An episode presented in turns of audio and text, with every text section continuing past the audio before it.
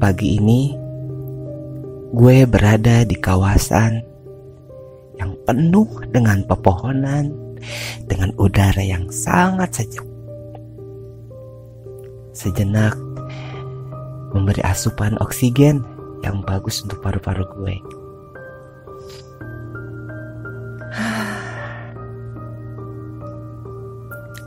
Bareng beberapa teman gue, kita rencananya mau jalan santai di salah satu tempat wisata di Kota Kembang.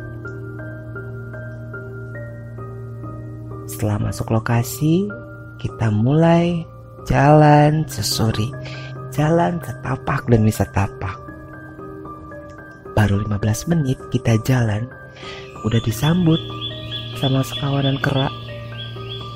Ya, kerak tercampur antara yang nyata dan tak kasat mata. Mereka semua menjaga jarak. Ada yang datang sekedar ingin tahu, dan ada juga yang sekedar ingin diberi makanan. Lalu kami semua makin masuk ke dalam hutan, susuri jalan hutan, setapak demi setapak sambil menikmati segarnya alam sekitar. Terima kasih Tuhan, saya masih bisa menikmati indahnya alam ini. Begitu kami sampai di salah satu air terjun, semua orang langsung asik mengambil foto, selfie, dan lain-lainnya. Tapi gue memilih untuk duduk sejenak menikmati view air terjun air terjun yang bagus dan cantik tapi sudut mata gue menangkap salah satu sosok ada sosok nenek tua persis di atas batu dekat air terjun aku pikir ah itu hanya warga sekitar. Dan kembali gue fokus menikmati suara air terjun, segarnya udara dan bagusnya pemandangan sekitar. Tapi sosok nenek itu memaksa gue kembali untuk memperhatikan beliau.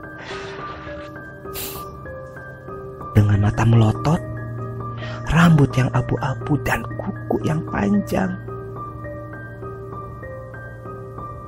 Beliau terlihat marah melihat di pinggiran air terjun banyak sekali sampah botol plastik dan bekas bungkus makanan yang dibuang sembarangan. Ya.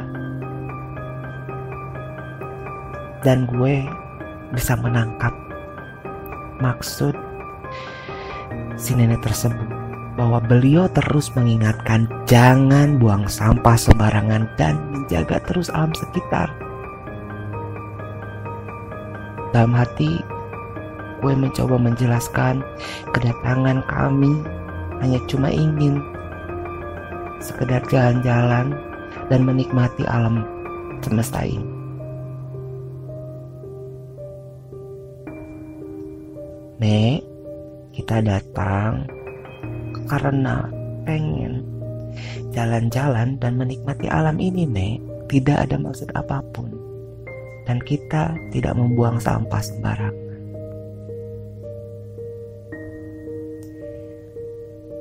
Setelah puas bersuah foto, kami bersiap-siap pulang.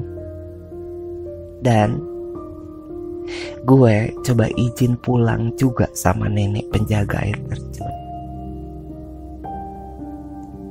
Dan wujud beliau kembali ke normalnya. Nenek-nenek dengan wajah yang enak dipandang daripada sebelumnya. Beliau tersenyum setelah gue izin permisi buat pulang. Nek, kami pulang dulu ya. Terima kasih sudah mengingatkan gue. Lalu, gue dan teman-teman pun mulai jalan pulang.